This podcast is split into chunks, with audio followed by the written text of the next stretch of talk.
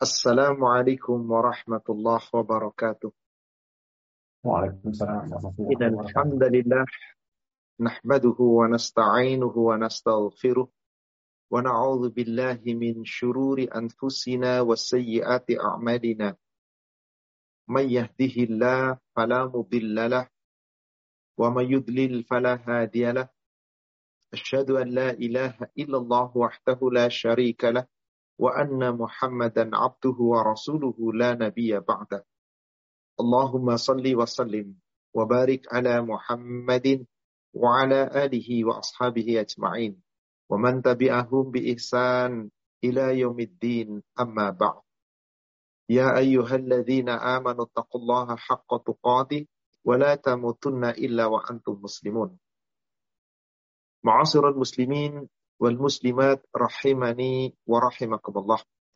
Bapak Ibu jamaah sekalian yang semoga dirahmati Allah, para jamaah dari rumah dakwah paduka yang semoga dirahmati Allah, alhamdulillah kita pada malam hari ini waktu Indonesia, siang hari waktu UK dipertemukan kembali oleh Allah Subhanahu wa taala insyaallah kita akan melanjutkan seri kajian kita di mana di dua pertemuan awal kita telah membahas meningkatkan iman dan takwa dengan khauf dan roja.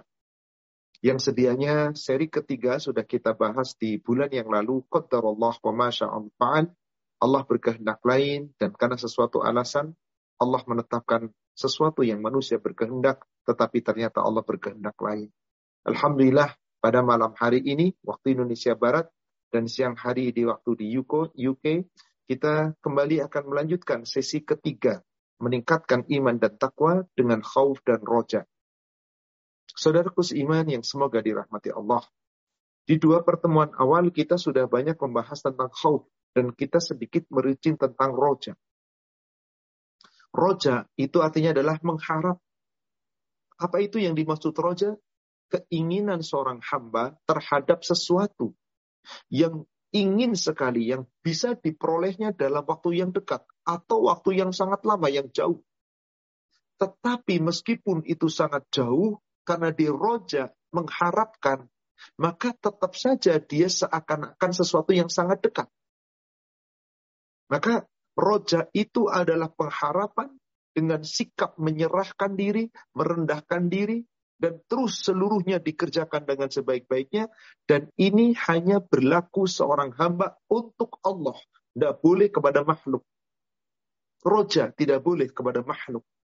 Kecuali roja yang memang makhluk bisa memberikan. Contoh, suami mengharapkan cinta istrinya. Sebaliknya istri menghadapkan cinta suaminya. Gak masalah. Itu sesama makhluk. Orang tua mengharapkan anak-anaknya soleh, anak-anaknya birul walidain. Demikian pula anak-anak mengharapkan orang tuanya sayang. Itu sesama makhluk. Tetapi itu semua hanyalah pengharapan di dunia. Tapi kalau rojak terhadap Allah adalah mengharap sesuatu yang jauh, tetapi yakin itu dekat. Coba, kita berharap surga. Jauh banget nanti setelah di akhir. Tapi kita yakin, sekarang kita selalu minta. Bagi kita seakan-akan itu dekat. Kita mengharap perjumpaan dengan Allah. Sesuatu yang mustahil terjadi di dunia. Hanya akan terjadi nanti ketika seseorang masuk surga. Tapi kita berharap dan yakin pasti berjumpa dengan Allah. Kita berharap pahala, kita berharap ampunan. Semuanya itu yang kita harapkan kepada Allah. Harapan itulah yang tidak boleh kepada makhluk. Berarti roja ini dalam rangka beribadah. Apakah bentuknya ibadah yang muqayyad, yang sudah ditetapkan? Ibadah, ibadah itu berkaitan dengan sesuatu yang berkaitan dengan habluminanas, berkaitan dengan habluminallah, apa pun berupa segala kebaikan yang kita harapkan, pahala, ampunan, rahmat, barokah, dan puncak dari roja adalah surga, maka itu hanya pantas ditujukan kepada Allah. Yang roja itu tidak boleh berharap kepada selain Allah dalam urusan pahala, ampunan, dan seterusnya. Untuk itu, tentang roja ini, mari kita akan membahasnya untuk menyempurnakan tentang haus. Karena tidak sempurna rojak kecuali dengan haus. Haus sudah kita bahas pertama. Dan rojak pun harus dengan mahabbah, dengan rasa cinta. Tidak boleh rojak hanya pengharapan tak rasa cinta. Bukti cinta adalah Anda betul-betul mendekat kepada Allah dengan pengharapan, hanya kepada Allah Subhanahu wa taala. Salawat serta salam semoga terlimpahkan, tercurahkan kepada Nabi kita Rasulullah sallallahu alaihi wasallam. Semoga tercurah kepada seluruh keluarga, sahabat dan seluruh pengikutnya hingga yaumil akhir. Betulkah roja itu bisa meningkatkan iman seorang hamba? Ya, jika disertai dengan rasa takut. Dan rasa cinta hanya kepada Allah sehingga dia menjalankan segala sesuatu berharap kepada Allah. Dalil berkaitan dengan roja, ada beberapa ayat yang menyebutkan itu dalam Al-Quran. Tapi para ulama menyebutkan tentang roja, dalil yang pasti disampaikan salah satunya adalah surat Al-Kahfi surat 18 ayat terakhir, ayat 110. Allah Subhanahu wa taala berfirman, "A'udzu billahi minasyaitonir rajim." Qul Muhammad katakanlah, "Innama ana basyarum mithlukum yuha ilai." Sesungguhnya aku ini manusia biasa seperti kamu. Bedanya yuha ilai aku mendapatkan wahyu, telah diwahyukan kepadaku. Rasul telah menerima wahyu. Bedanya dengan kita, sementara secara fisik makhluk sama manusia biasa.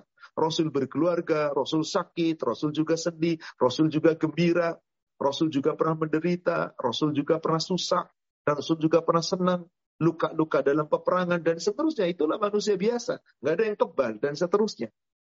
Innama ana basyarum mithlukum. Bedanya yuha ilai telah diwahyukan kepadaku. Aku mendapat wahyu. Apa isi wahyu yang pokok itu? Annama ilahukum ilahu wahid. Sesungguhnya ilahmu, hai manusia, adalah Allah yang ahad. Allah yang esa. Allah yang tunggal.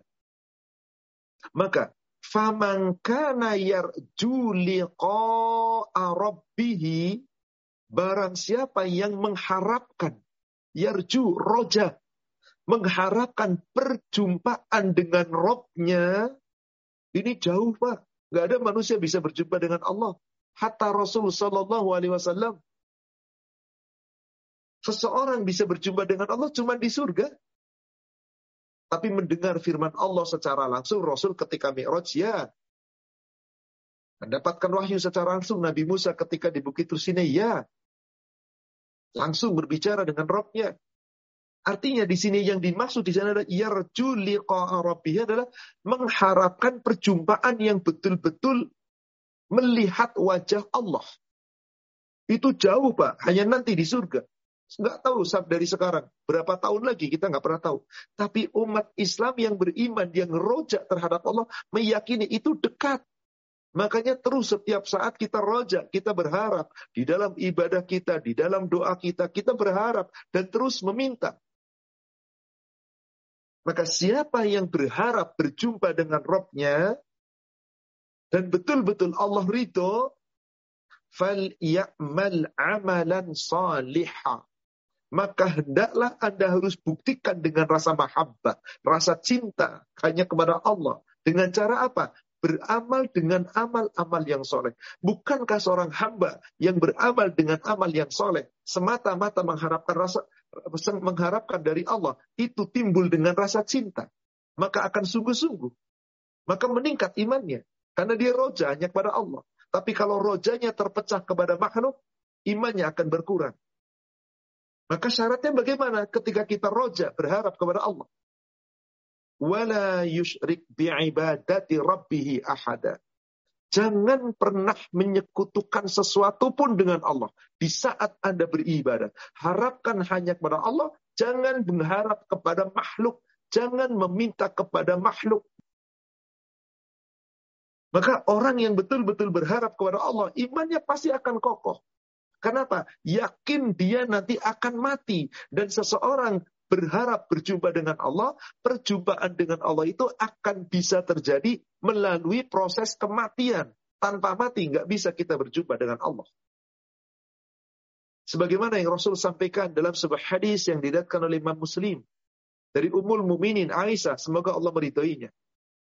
Qala Rasulullah sallallahu alaihi wasallam telah bersabda Rasulullah sallallahu alaihi wasallam Man ahabba liqa Allah, barang siapa yang cinta, yang betul-betul ingin bertemu dengan Allah, berjumpa dengan Allah, dan mengharapkan berjumpa dengan wajahnya Allah, ahabballahu liqa'ah. Maka Allah pun sangat mencintai dan ingin berjumpa dengannya.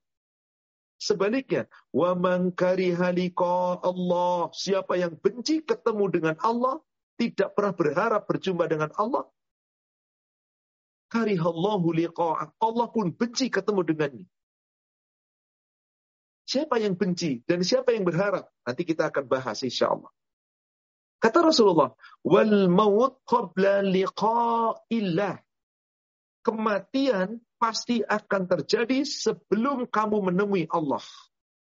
Jadi orang yang mau ketemu Allah pasti mati dulu dan pasti mati.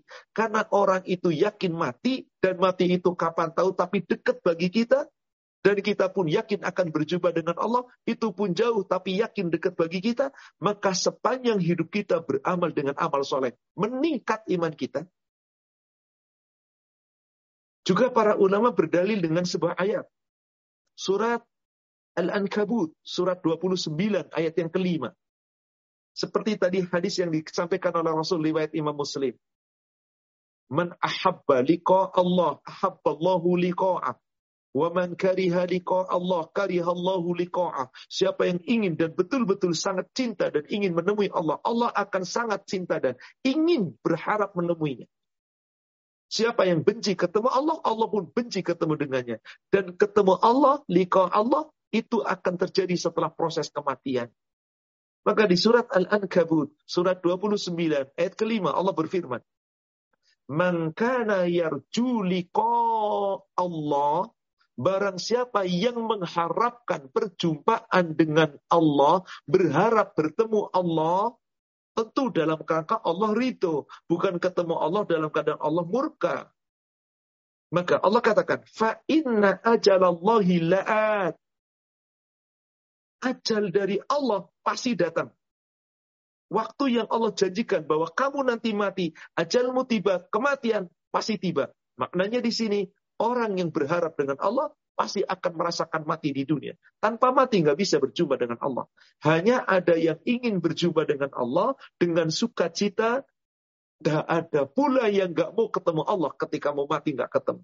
Nggak mau mati. Kenapa? Karena mereka tidak memiliki bekal. Dan yakinlah saudara sekalian, ajalallahi la'at. Ajal dari Allah, ketetapan Allah, kematian itu pasti datang. Alim. Dan Allah maha mendengar, Allah maha mengetahui sepanjang hidup kita apa yang kita lakukan. Apakah kita termasuk orang yang betul-betul rojak terhadap Allah? Dengan terus meningkatkan iman dan takwanya. Ibadah sebaik-baiknya sepanjang hidupnya. Karena kematian itu dekat. Apakah orang yang malah lalai dari Allah. Tergantung bagaimana roja kita dengan Allah itu. Apakah hanya roja dalam urusan duniawi atau roja yang lebih baik daripada semua itu. Yaitu beroja berharap ketemu Allah di surga. Maka orang-orang yang betul-betul roja, dia berharap kepada Allah, Allah akan perintah untuk ibadah, maka hamba itu terus ibadah, Terus, karena Allah mengatakan, yang ingin bertemu dengan Allah, maka hendaklah selalu ingat Allah. Dan tetap ibadah terus menerus, tidak pernah terhenti. Kecuali kalau ajalmu tiba. Surat Al-Hijr, surat 15, ayatnya ayat dua ayat terakhir. Ayat 98 dan ayat 99. Fasabbih bihamdi rabbika wa kum minas sajidin. Maka bertasbihlah, puji nama Allah, sanjung nama Allah, sucikan Allah. Bihamdi rabbika dengan senantiasa memuji namanya dan terus menjalankan ketaatan kepadanya. Wakum minas sajidin dan jadilah kamu hai orang-orang yang berharap berjumpa dengan Allah sujud sepanjang hidupmu. Apa makna sujud di sini? Pertama, gerakan sholat. Jadilah kamu orang yang tetap menjaga sholat. Yang wajibnya, yang sunnahnya, apa pun sholatnya. Dijaga tumak ninahnya, kualitasnya, bacaannya dijaga. Kehusuannya terus dijaga. Karena dia berharap ketemu dengan Allah. Orang yang menjaga am imannya, insya Allah maka sujudnya dijaga, imannya kokoh. Maka di situ makna kedua tentang kum minas sajidin, jadilah kamu termasuk orang yang termasuk orang yang sujud. Sujud makna di sini adalah secara luas ketundukan. Sebagaimana ketika Allah ciptakan Adam. Setelah sempurna Adam, jadi kemudian Allah perintahkan para malaikat sujud. Apakah sujud yang dimaksud sujud seperti gerakan sholat? Tidak. Ulama telah sepakat. Bukan tunduk kepada Adam patuh kepada Adam, nurut terhadap Adam. Semuanya patuh, nurut, sujud. Tapi iblis tidak mau sujud. Berarti orang yang beroja berharap kepada Allah, imannya pasti meningkat dengan cara apa? Selalu tunduk kepada Allah. Bukankah hanya orang beriman yang selalu tunduk kepada Allah? Kenapa? Karena dia berharap berjumpa dengan Allah. Maka Allah perintah di ayat terakhir, ayat 99. Wa'bud rabbaka jika Anda betul-betul berharap menemui Allah dalam keadaan Allah ridho, dan kamu pun ingin berjumpa dengan Allah, hendaklah tetap kamu beribadah kepada Allah. Sembahlah Allah terus sepanjang hidupmu. Hatta yaktiakal yakin. Sampai datang kepadamu yang kamu yakini. Apa yang kamu yakini? Ajal, kematian. Berarti saudaraku seiman yang semoga dirahmati Allah, jamaah rumah paduka yang semoga dirahmati Allah. Ibadah itu tidak pernah putus sepanjang kita hidup. Gak ada istirahatnya ibadah itu. Gak ada istirahatnya. Karena saat dari semulai kita bangun tidur sampai tidur lagi, semua bisa bernilai ibadah sepanjang kita berharap pahala dari Allah. Ampunan dari Allah. Maka dengan landasan iman, insya Allah kita bisa raih itu. Maka roja betul-betul bisa meningkatkan iman. Kalau pengharapan itu hanya kepada Allah. Maka bagaimana salah satu cara kita berharap? Doa. Coba isi doa itu apa sih? Berharap. Harapannya kepada siapa? Hanya kepada Allah. Supaya apa? Allah mengabulkan. Doa apa yang paling banyak dibaca Rasul? Dalam riwayat Imam Muslim. Dari Anas bin Malik. ketika ada seorang sahabat yang bernama Abdul Aziz, semoga Allah meridhoinya. Dia adalah Ibnu Suhaib. Mendengar sahabat yang lain yang bernama Qatada,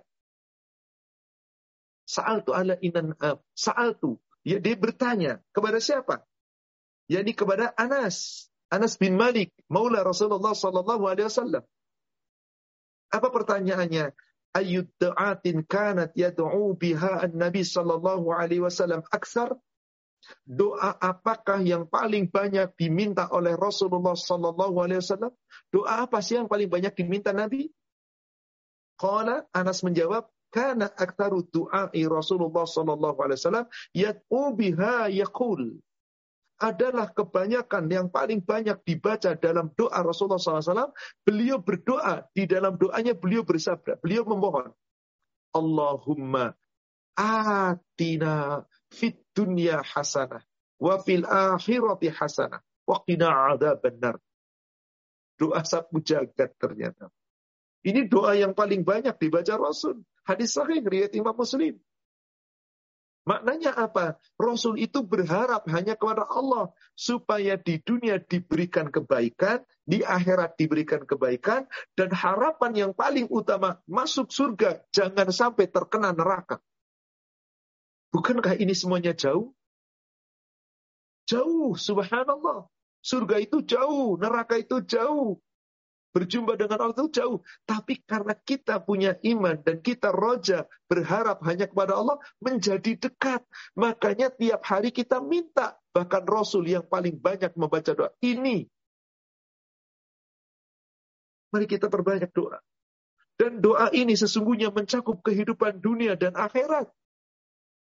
Bahkan pernah dalam suatu riwayat. Juga riwayat itu sahih diriwayatkan oleh Imam Muslim. Dari Anas bin Malik ketika suatu ketika Rasulullah Shallallahu Alaihi Wasallam mengunjungi seorang sahabat yang sedang dalam keadaan sakit. Bahkan dikabarkan sahabat itu seperti apa? Seperti fasara fasara mitlal farhi. Seperti anak burung yang masih kecil yang sedang butuh perlindungan ibunya ditinggal. Coba anak burung menetas beberapa hari masih lemah, tiba-tiba ditinggal ibunya. Apa yang terjadi dengan anak burung itu? Dia lemah, tidak bisa apa-apa. Pasti kemudian jika tidak ada yang ngurus, mati. Seperti itulah keadaan seorang sahabat yang dalam keadaan sakit yang begitu parah, lunglai, lemah, tidak berdaya, seperti anak burung ditinggal oleh induknya. Faqala Rasulullah sallallahu alaihi wasallam. Maka bertanya Rasulullah sallallahu alaihi wasallam lahu kepadanya, Hal kunta tad'u bi syai'in aw tas'aluhu iya? Apakah kamu tidak berdoa kepada Allah? Atau tidakkah kamu meminta, berharap kepada Allah? Apa kamu tidak minta, tidak berdoa kepada Allah? Dengan sakitmu yang seperti ini. Qala na'am. Orang itu menjawab, iya aku berdoa, aku meminta dan berharap kepada Allah. Kuntu akul, aku berdoa kepada Allah, aku meminta kepada Allah, aku berharap kepada Allah. Allahumma, wahai Allah, ma kunta muaqibi fihi bihi fil akhirati fa'ajilhu li fid dunya. Ya Allah, jika engkau menghendaki, aku akan diazab, disiksa nanti di akhirat. Ya Allah, lebih baik siksa saja, azab saja aku di dunia ini. Biar nanti nggak diazab di akhirat. Jadi saking payahnya sakitnya, nggak kunjung sembuh, seakan-akan ini bagian daripada adab, dia berdoa, ya Allah, jika engkau akan mengazabku di akhirat nanti, Diazab saja di dunia, jangan sampai di akhirat. Biarkanlah sakitku ini menjadi azab di dunia. Seakan-akan niatnya baik, Pak. Biar gak diazab di neraka nanti. Biarlah diazab di dunia. Mendengar kata-kata itu, faqala Rasulullah sallallahu alaihi wasallam, Subhanallah. Langsung Rasulullah, Maha suci Allah. La tutikuhu aw la tastatitu'hu. Demi Allah, kamu tidak akan mampu sanggup menahan azab Allah di dunia itu. Tidak, kamu nggak akan mampu, kata Rasulullah. Afala kulta. Kenapa kamu tidak berdoa saja, berharap, meminta kepada Allah? Dengan doa apa? Allahumma rabbana atina fid dunya hasanah wa fil akhirati hasanah wa qina adzabannar. Sapu jagat, Pak. Lagi sakit doanya ini sudah. Boleh dengan tambahan doa. Allahumma rabban nas alhibil ba's. Anta syafi la syifa'an illa syifa'uk. Silakan. Tapi tetap pengharapannya hanya kepada Allah. Maka orang yang imannya kokoh ketika dia berharap kepada Allah, ketika dia berdoa, yang diinginkan bukan terkabulnya doa, tetapi yang diinginkan saya berharap yang terbaik dari Allah. Yang terbaik belum tentu dikabulkannya doa, saudaraku sekalian. Jadi jangan sampai Anda mengira kalau kita berharap kepada Allah lalu berdoa, selalu doa itu dikabul. Urusan dikabulkan doa, urusan Allah. Jauh pengabulan, tapi kita yakin dekat. Karena Allah boleh jadi mengabulkan secara langsung di dunia dengan apa yang kita minta. Atau Allah kabulkan di dunia bukan dengan apa yang kita minta. Yang kita minta tidak kita beri, tapi dari sisi yang lain Allah berikan. Atau Allah kabulkan kepada kita Bukan sekarang, tapi nanti di yaumil akhir. Maka pengharapan kita di saat kita berdoa memohon kepada Allah, yakin dengan betul-betul berharap Allah akan mengabulkan doa kita. Kalau toh tidak dikabulkan di dunia, yakin ada pahala, ada karunia yang Allah berikan. Yang itu kita bawa sampai nanti di yaumil akhir. Itu yang harus kita camkan. Itulah roja. Itulah berharap. Maka setelah Rasulullah mengucapkan itu, mintalah kepada Allah. Rabbana atina fid dunya hasanah wa fil akhirati hasanah wa qina adzabannar. Atau domir atau atau seruannya bisa dengan kalimat Allahumma atina fid dunya hasanah. Minta dengan ikhlas, berharap Allah memberikan yang terbaik. Setelah diajarkan doa itu, maka laki-laki itu senantiasa membaca doa itu, Rasul pun mendoakannya. Kemudian pada Allahu Rasulullah sallallahu alaihi wasallam. Rasulullah kemudian berdoakan untuknya kepada Allah Subhanahu wa taala. Maka tidak lama kemudian sembuhlah dia. Fasyafa Allah sembuhkan dia. Karena dia hanya berharap dengan Allah. Saudaraku sekalian, kita sakit, berharap sembuh, berharaplah. Datang ke dokter, silakan. Tapi rojaknya kepada Allah. Jangan berharap sembuh dengan dokter, dengan obat. Karena datang ke dokter. Jangan. Kalau Anda berharap sembuhnya kepada makhluk, berarti Anda mencintai makhluk. Harapan Anda tidak sempurna karena dikotori. Sedangkan orang yang rojanya kepada Allah, betul-betul dia mencintai Allah dengan sepenuh hatinya. Ketika dia berdoa, yang dia inginkan bukan masalah dikabulkan. Ada roja berharap untuk dikabulkan. Tapi diserahkan kepada Allah. Dikabul atau tidak, itu urusan Allah. Tapi Allah janji, kalau kita berharap berdoa dikabulkan, hendaklah buktikan dulu iman dan amal soleh kita. Kenapa? Karena Allah tidak mengabulkan doa kecuali orang yang berdoa itu berharap kepada Allah dibarengi dengan mahabbah, rasa cinta. Rasa cinta itu dibarengi dengan apa? Beriman dan beramal soleh. Kalau itu kita lakukan, Allah janji, Allah ijabah. Tapi ijabah dalam urusan apa? Bukan urusan duniawi. Duniawi belum tentu. Coba kita buka surat 42, yakni surat Ash-Shura, ayat ke-26 dan ayat ke-27. Wa yastajibul ladzina amanu wa. Ini dia. Orang yang beriman dan beramal saleh dengan sebaik-baiknya, ketika dia berdoa, berharap kepada Allah, mengharapkan dikabulkan oleh Allah, yastajib kata Allah. Allah akan mengijabah, Allah akan memperkenankan. Asal itu tadi betul-betul kita benar-benar beriman dan beramal soleh. Wa yastajibu dan Allah betul-betul mengijabah alladzina amanu wa. Orang yang beriman dan beramal soleh.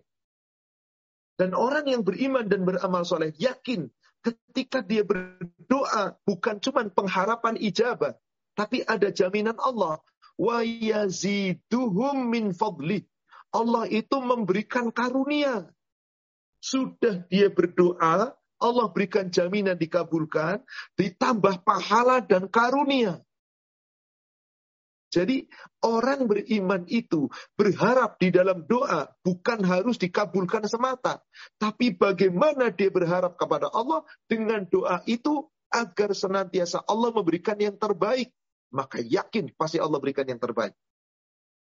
Diijabat dengan cara tadi tiga. Bisa langsung cash, apa yang diminta diberi. Bisa langsung tidak diberi yang diminta, tapi dari sisi yang lain. Bisa tidak diberi dua-duanya dengan cara apa pun, ditangguhkan oleh Allah. Tapi pasti diberi nanti di yaumil akhir.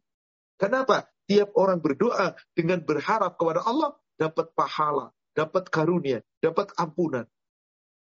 Bagaimana orang yang kafir, yang tidak berdoa kepada Allah, nggak ada gunanya. Tapi dikabulkan. Bukan Allah nggak pernah mengabulkan itu. Allah hanya memberi.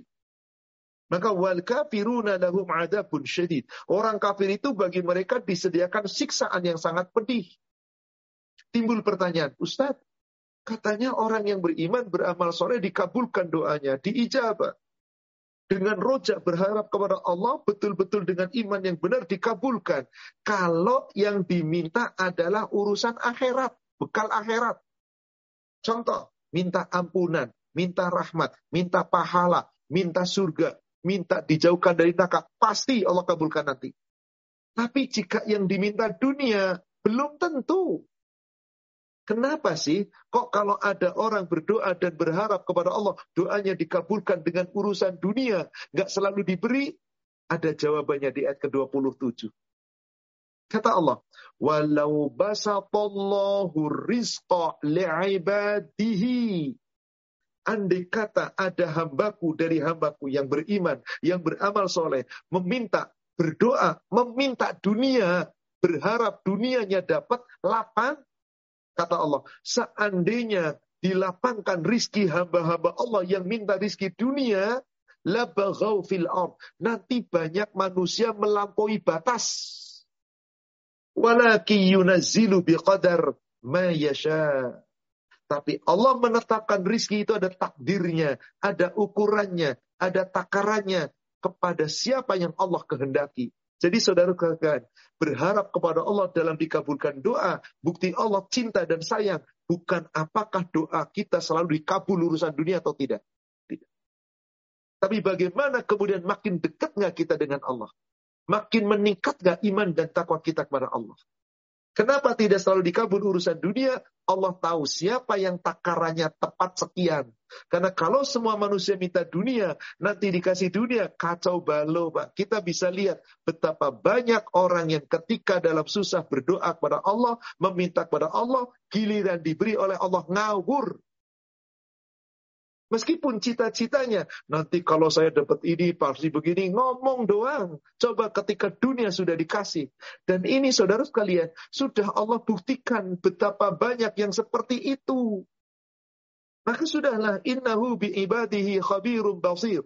Allah itu terhadap hambanya maha melihat, maha teliti, maha mengawasi. Tahu apa sih yang diharapkan hambanya dan apa yang pantas didapatkan oleh hambanya saya tunjukkan beberapa ayat berkaitan dengan apa?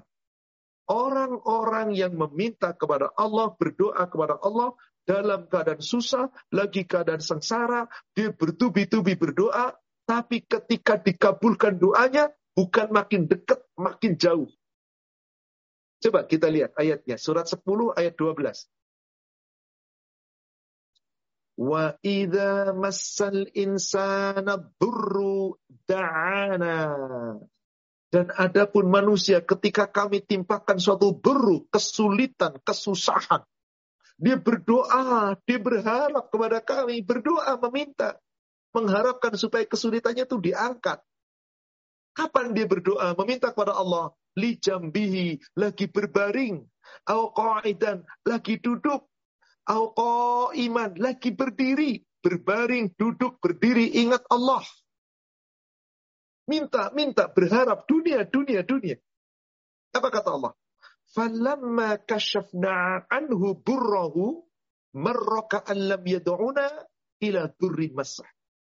Ketika kami cabut kesusahannya, ketika pengharapannya dia tentang dunia kami kabulkan, susahnya dicabut, dikasih nikmat, dikasih lapang, Marroka alam yad'una ila durri masa.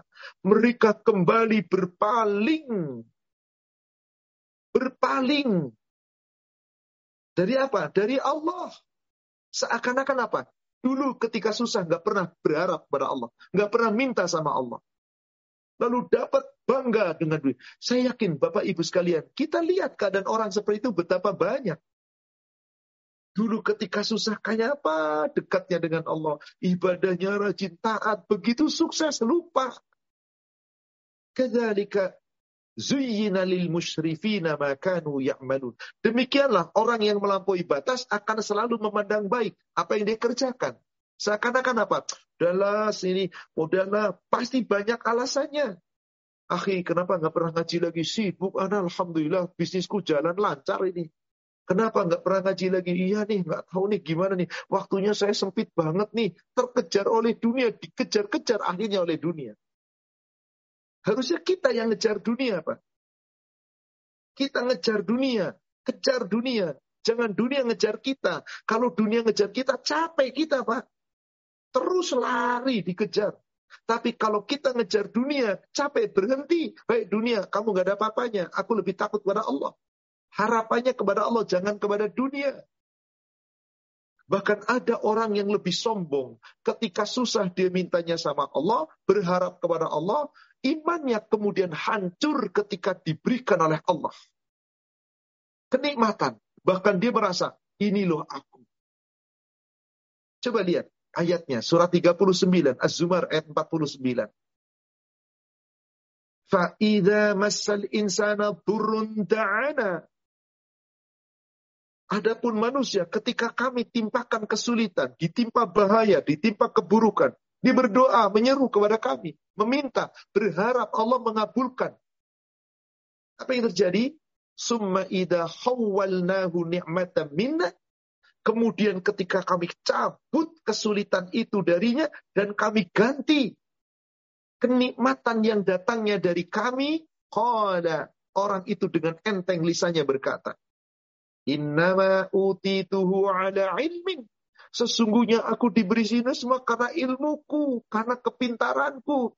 Gua lulusan ini loh, lulusan UK saya, lulusan dari anu saya, lulusan di bawah-bawah lulusan Pak. Nih siapa dulu dong? Maaf, maaf.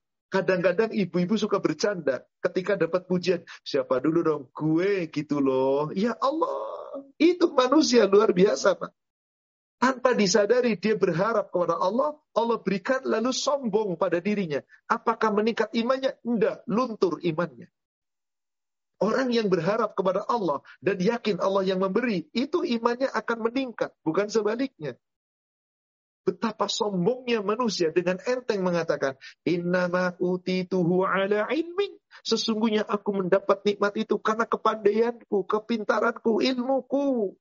Tegas Allah katakan, hai manusia, jangan sombong. Bal hiya fitnatun. Itu adalah cobaan bagimu, itu fitnah bagi kamu. Walakinna aktsaruhum la ya'lamun. Tapi kebanyakan mereka tidak menyadari. Saudara sekalian, dari ayat ini, mari kita lihat. Orang-orang yang imannya kokoh, dengan dirojak kepada Allah, dibarengi dengan haus tadi yang sudah kita bahas di awal, dan dilandasi dengan rasa cinta. Orang yang betul-betul berharap kepada Allah dan terus meningkatkan imannya, maka cintanya kepada Allah tidak bisa dikalahkan dengan siapa pun. Coba kita lihat surat Al-Baqarah 165. Orang-orang yang mengadakan tandingan selain Allah, dia berharap kepada Allah tapi berharap pula kepada makhluk. Bahkan kadang lebih mencintai makhluk daripada mencintai Allah. Ini keliru. Roja dia terbelah. Allah nggak ridho, Pak. Harapan itu hanya kepada Allah. Coba bayangkan, bapak seorang suami, lalu punya istri, isinya berharap kepada bapak, berharap pula kepada suami orang lain. Marah bapak, diduakan. Sama seperti suami berharap kepada istri, lalu seorang suami berharap juga kepada wanita lain. Marah istrinya, Pak. Bagaimana kita makhluk Allah ciptakan, Allah itu khalik. Kok mencintai makhluk seperti mencintai Allah? Anda berharap kepada Allah, berharap pula kepada makhluk yang sama. Gak boleh. Maka Allah gambarkan di ayat ini. Wa minan nasi mayyattakhidhu min dunillahi andada. Ada sebagian manusia, orang-orang yang menyeru kepada Allah, mengharap, meminta kepada Allah, beribadah kepada Allah. Tetapi apa? Ada tandingan-tandingan pula selain Allah. Yuhibbunahum kahubbillah. Bahkan mereka mencintai mereka itu seperti mencintai Allah. Coba kita lihat. Di negara saya, Indonesia. Dan orang-orang UK, yang orang Indonesia. Saya yakin tahu betapa banyak umat Islam menggantungkan kepada gurunya, ajengannya, kiainya, dan seterusnya. Bahkan lebih mencintai mereka. Lebih nurut apa yang dikatakan mereka. Meskipun itu syirik. Ini nyata, Pak. Dia berharap kepada Allah, tapi berharap kepada makhluknya sama. Maka orang itu menjadikan Allah ada tandingan. Bagaimana orang yang imannya benar? Allah katakan, "Walladzina amanu." Adapun orang yang benar-benar beriman, asyaddu hubba lillah. Benar-benar mencintai Allah. Rojaknya nggak terpelah, nggak terpecah, nggak terbelah. Hanya fokus kepada Allah. Maka kata Allah, walau yaralladzina zalamu idh yarawna al-azab Alangkah dahsyatnya sekiranya orang-orang yang dolim, yaitu dia berharap kepada Allah, tapi berharap pula kepada makhluk, mengadakan tandingan selain Allah. Nanti telah melihat adab, kematiannya, hari kiamat, atau adab nanti di umil akhir, dan saat itulah dia menyadari, annal quwata lillahi jami'ah. Semua kekuatan hanya milik Allah. Maka orang beriman yang meningkat imannya ketika roja hanya kepada Allah. Tapi orang yang tidak beriman ketika roja kepada Allah terpecah pula kepada makhluk. Orang-orang yang berbuat seperti itu ketika melihat azab itu kekuatan hanya semua milik Allah. Pasti mereka semuanya saat itu dalam keadaan apa? Mereka pasti akan menyesal atas apa yang pernah terjadi di dunia itu. Wa annallaha syadidul adab Sungguh Allah itu adabnya sangat pedih. Maka orang-orang yang tidak sebenarnya berharap kepada Allah pasti menyesal. Maka Rasul disuruh dalam dakwahnya kepada kita umatnya. Bukan hanya kepada sahabat saja. Ayat yang turun kepada Rasul saat itu disampaikan kepada sahabat universal berlaku ila yaumil akhir kepada seluruh umatnya. Surat Al-Isra, surat 17, ayat 56 dan ayat 57. Allah katakan dalam ayat ini. Muhammad sallallahu alaihi wasallam disuruh menyampaikan ini kepada umat. Qul, Muhammad katakan, Id'ul ladhina za'amtum min dunihi. Silahkan panggillah mereka yang kamu anggap Tuhan selain Allah. Silahkan kamu berharap kepada selain Allah. Silahkan. Fala yamlikuna kashfab durri ankum wala tahwila. Mereka yang kamu berharap kepada selain Allah, mereka tidak kuasa menghilangkan bahaya darimu sedikit pun, tidak mampu mengubahnya sedikit pun. Jangan berharap kepada makhluk, berharaplah kepada Allah. Maka dikatakan di ayat 57-nya, Ulaika yad'una yabtaghuna ila rabbihim. Orang-orang yang kamu pun berharap kepada makhluk Katakanlah seorang ajengan dielu-elukan sampai-sampai sudah mati dianggap sakti, terus didatangi, diminta. Kalau orang itu orang yang wafat adalah hamba Allah yang beriman, mereka yang kamu minta pun sesungguhnya mencari jalan kepada Allah. Yabtahuna ila rabbihim wasilah jalan menuju kepada Allah. Maaf, seperti katakanlah di Indonesia banyak sekali orang ketika berdoa menyebut-nyebut nama. Ya Syekh Abdul Qadir Jailani. Dipanggil, wong sudah wafat sekian ratus tahun lalu. Sekian ribu tahun lalu. Ah, sekian ratus tahun lalu. Masih dimintai juga. Mereka juga mencari kebenaran. Seperti yang disekutukan pada Allah. Seperti Lasa, Uzza, Hub, Uzza Hubal, Manat. Itu orang-orang yang saleh yang mereka pun mencari jalan menuju kepada Allah. Tapi ada diminta, disekutukan. Sama seperti apa? Maaf, orang Nasrani. Nabi Isa mencari jalan menuju kepada Allah. Tapi orang Nasrani mengatakan Isa itu anak Tuhan yang bisa memberikan ampunan. Kata Allah bagaimana? Maka mereka yang diminta, mereka yang diseru itu, sesungguhnya pun tetap mencari jalan kepada Allah. Mencari jalan mendekatkan diri kepada Allah. Ayyuhum akrobu wa yarjuna rahmatahu mereka pun sesungguhnya ingin lebih mendekatkan diri kepada Allah. Siapa di antara mereka yang lebih dekat dengan Allah? Dan mereka hanya satu, mengharapkan rahmat Allah. Mereka pun sesungguhnya takut dengan azabnya Allah. Inilah saudara. Roja itu jangan terpecah kepada siapa pun. Kecuali tadi roja urusan sesama habluminan nas. Sebagaimana takut. Gak boleh takut kepada siapa pun. Tapi takut sesama manusia. Dalam rangka istri takut kalau suaminya marah maka harus berbuat baik. Suami pun takut nanti istrinya marah. Maka takut seperti itu takut yang sewajar. Demikian pula roja yang sifatnya habluminanas boleh. Tapi kalau hanya Allah yang bisa memberi, roja itu hanya untuk Allah. Maka iman kita akan naik. Inna adaba rabbika kana mahdzura. Sesungguhnya ada promo itu betul-betul sesuatu yang harus kamu takuti. Maka berharaplah terhindar dari azab Allah. Maka bagaimana doanya Rasul? Di samping minta surga. Banyak sekali doa yang minta terhindar dari azab. Allahumma inni a'udzubika min adzabil qabr wa min fitnatil mahya wa min fitnatil mamat wa min fitnatil syarima wa min syarri fitnatil masihid dajjal. Kita minta bahkan Rasul ketika sebelum salam, Allahumma inni a'udzubika min adzabi jahannam wa min adzabil qabr. Bukankah ini adalah pengharapan supaya dilindungi dari itu semua?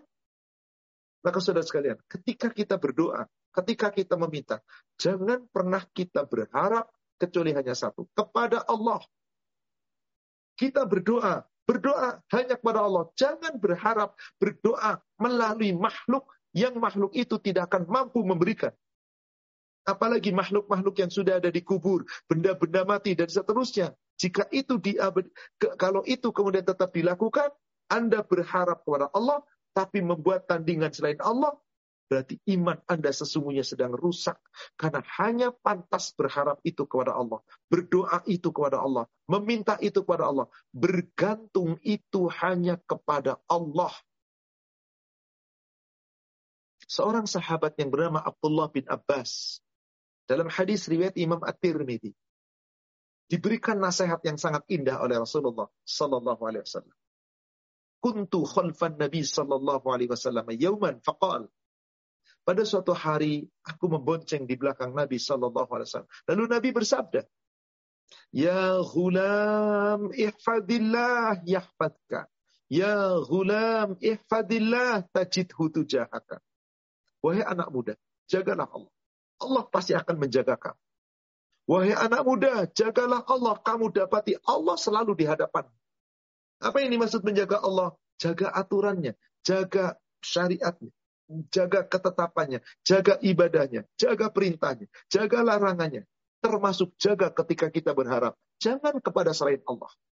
Nanti Allah menjaga kamu, Allah selalu di hadapanmu. Jika kamu meminta, mintalah sama Allah. Jangan minta sama makhluk kecuali makhluk yang memang bisa memberi.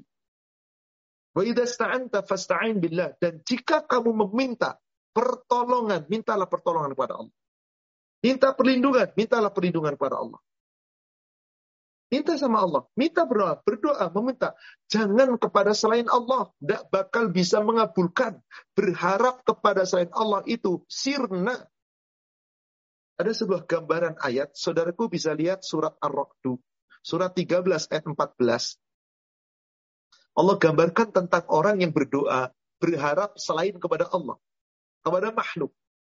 Nggak bakal terkabul, harapannya kosong lahu da'watul haq kata Allah. Hanya milik Allah, hanya kepada Allah. Doa yang hak, yang benar. Nggak boleh kepada makhluk. Bagaimana ada orang berdoa kepada Allah tapi tetap bergantung pula kepada makhluk? Kata Allah, "Walladzina yad'una min dunihi." Itu biasanya terjemahan dalam Al-Qur'an itu berhala-berhala yang disembah selain daripada Dia. Kata-kata berhala nggak ada dalam ayat itu, Pak. Berhala itu bahasa Arabnya, Pak, asnam. Allah tidak menggunakan kata-kata asnam di sini, Pak. Walladzina dan yang yada'una mereka menyeru, mereka meminta min dunihi kepada selain dia, selain Allah. Siapa itu? Siapa saja. Sebab kalau dikatakan berhala, konotasi kita patung. Bukankah ada orang bergantung kepada ulama, kepada ajengan, kepada jimat, kepada orang mati? Apakah dia dikatakan berhala? Marah. Dia berhala disebut. Siapa berhala? Itu kiai. Itu ulama. Maka Allah tidak mengatakan berhala. Yang diseru kepada selain Allah. Apa kata Allah? La yastajibuna lahum bisyai'in. Mereka itu tidak bisa memberikan, mengijabah sedikit pun kepada mereka yang meminta.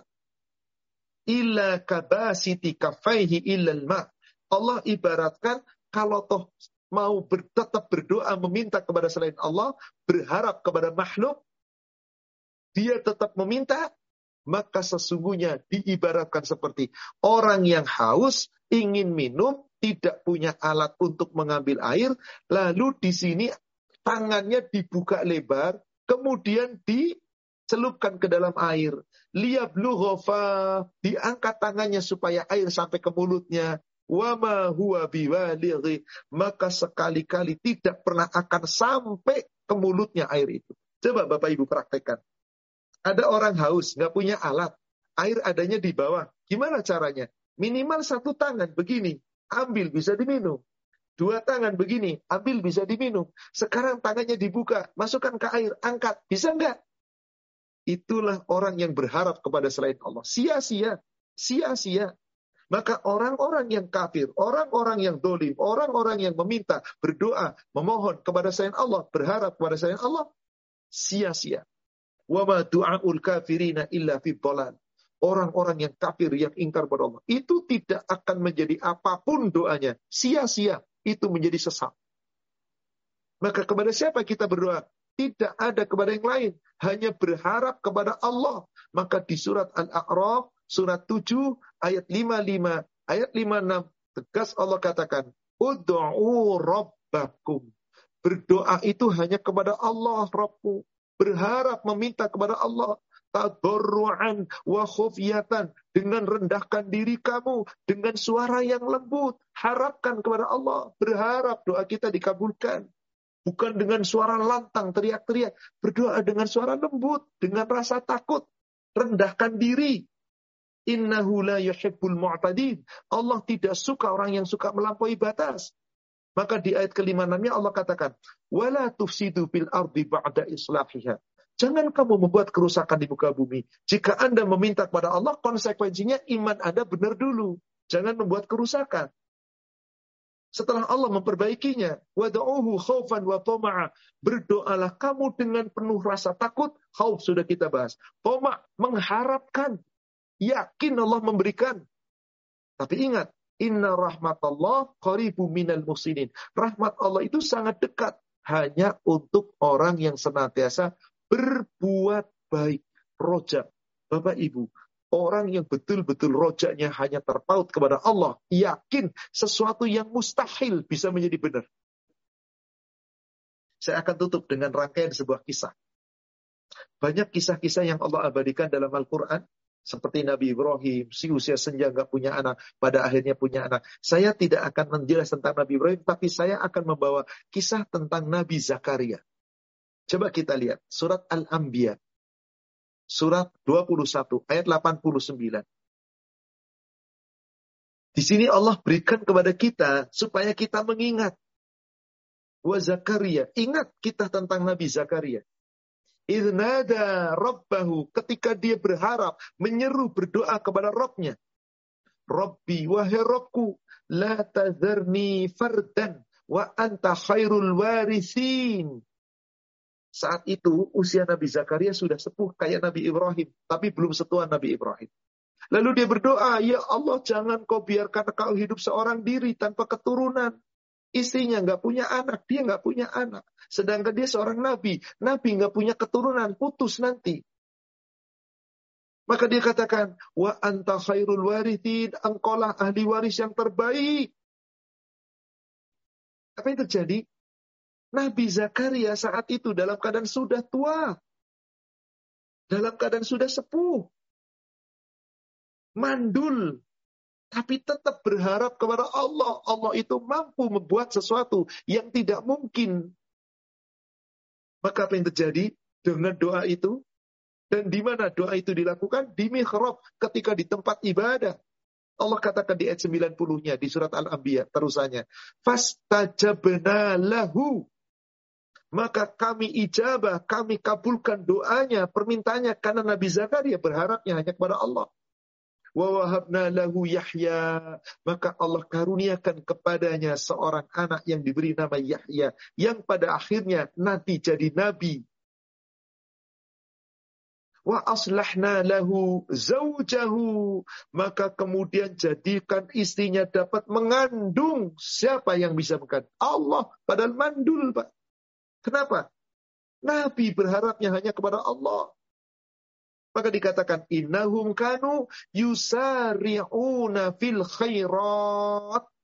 Karena Nabi Zakaria dan isinya adalah orang-orang yang senantiasa bersegera dalam mengerjakan kebaikan-kebaikan. Kalau begitu, kalau kita ingin rojak kita diterima oleh Allah, harapan kita dikabulkan Allah, ayo terus kita tingkatkan iman kita dengan bersegera dalam berbuat kebaikan. Wa. Dan berdoalah kepadaku, yakni mereka itu orang yang berdoa kepada Allah dengan penuh harap, dengan rasa cemas. Ada rojak di sana.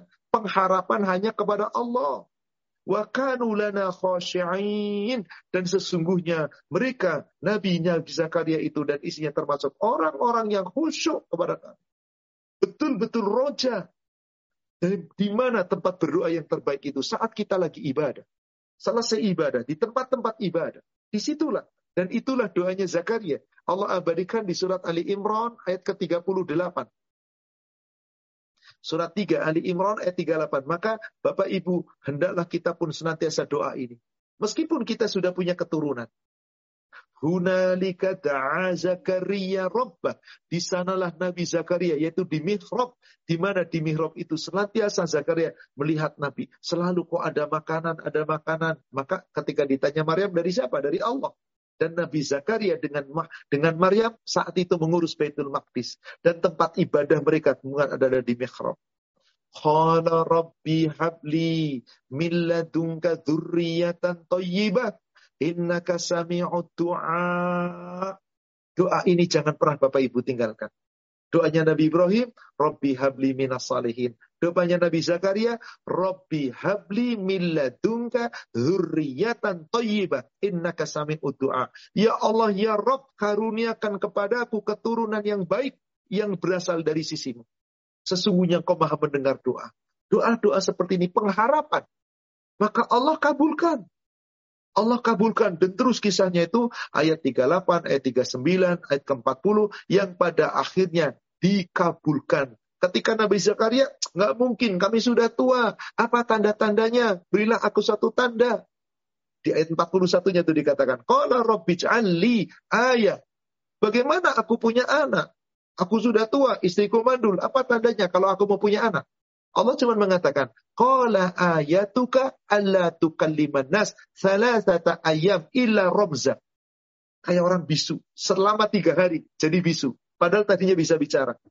Kamu tidak akan bisa bicara dengan manusia selama tiga hari. Kecuali dengan isyarat. Bukankah orang bisu bicaranya dengan isyarat? Itu tanda. Berarti nanti setelah itu istrimu hamil. Dan seperti itulah. Kenapa? Mereka hanya berharap. Maka saudara sekalian, di samping kita berharap, kita meminta, kita berdoa, kita berharap. Jangan hanya harapan dunia, tapi harapkanlah ampunan, harapkanlah pahala, karunia, dan harapan yang paling tinggi adalah berharap berjumpa dengan Allah. Yarju Allah. Maka jangan pernah berburuk sangka kepada Allah. Apa pun yang kita minta, berharap, oh belum dikasih, jangan berburuk sangka. Saya tutup dengan sebuah hadis. Hadis sahih riwayat Imam Muslim dari Jabir bin Abdullah.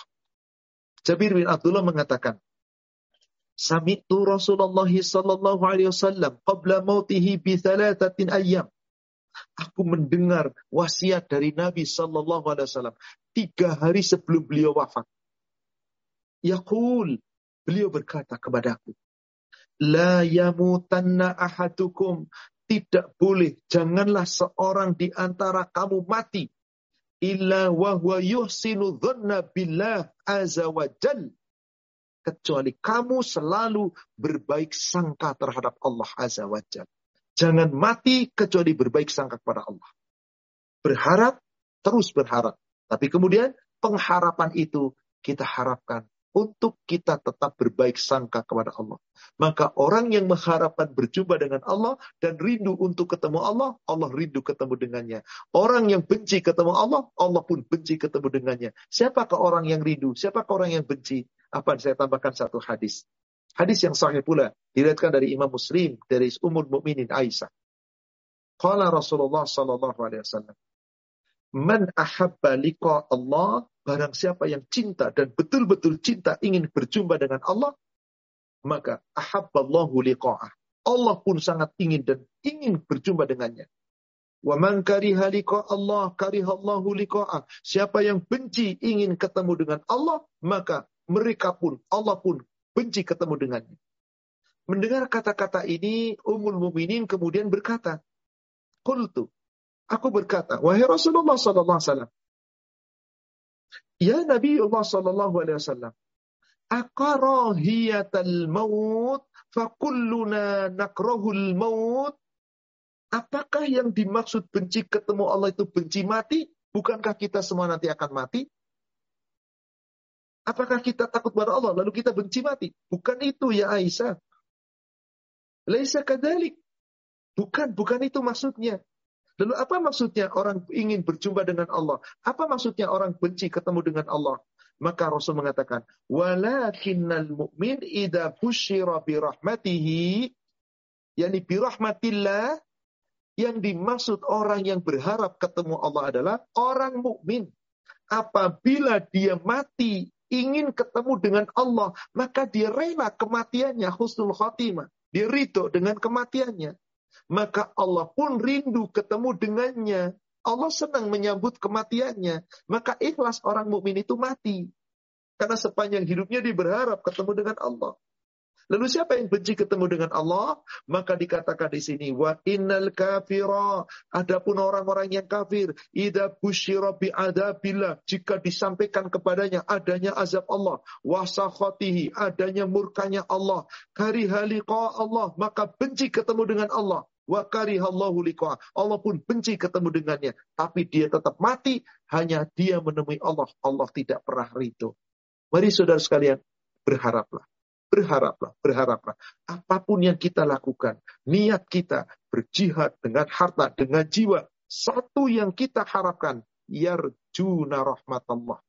Dengan mengharapkan rahmat Allah. Apa saya hilaf ada satu ayat yang harus saya sampaikan. Silakan coba kita buka sebagai penutup Al-Baqarah 218. Al-Baqarah 218. Innalladzina amanu. Sesungguhnya orang-orang yang beriman. Walladzina hajaru. Dan orang-orang yang betul-betul mau berniat untuk hijrah. Berbuat kebaikan-kebaikan. Dalam rangka apa? Wajahatu fi sabilillah. Berjihad semata-mata di jalan Allah. Dengan perjuangan, dengan ibadah, dengan ketaatan. Apa yang harus kita harapkan? Cuma satu. Ula'ika yarjuna rahmatallah. Mereka itulah orang-orang yang betul-betul hanya mengharapkan. Satu pengharapannya. Roja untuk mendapat rahmat Allah. Kenapa? Sebab masuk surga bisa diraih dengan rahmat Allah.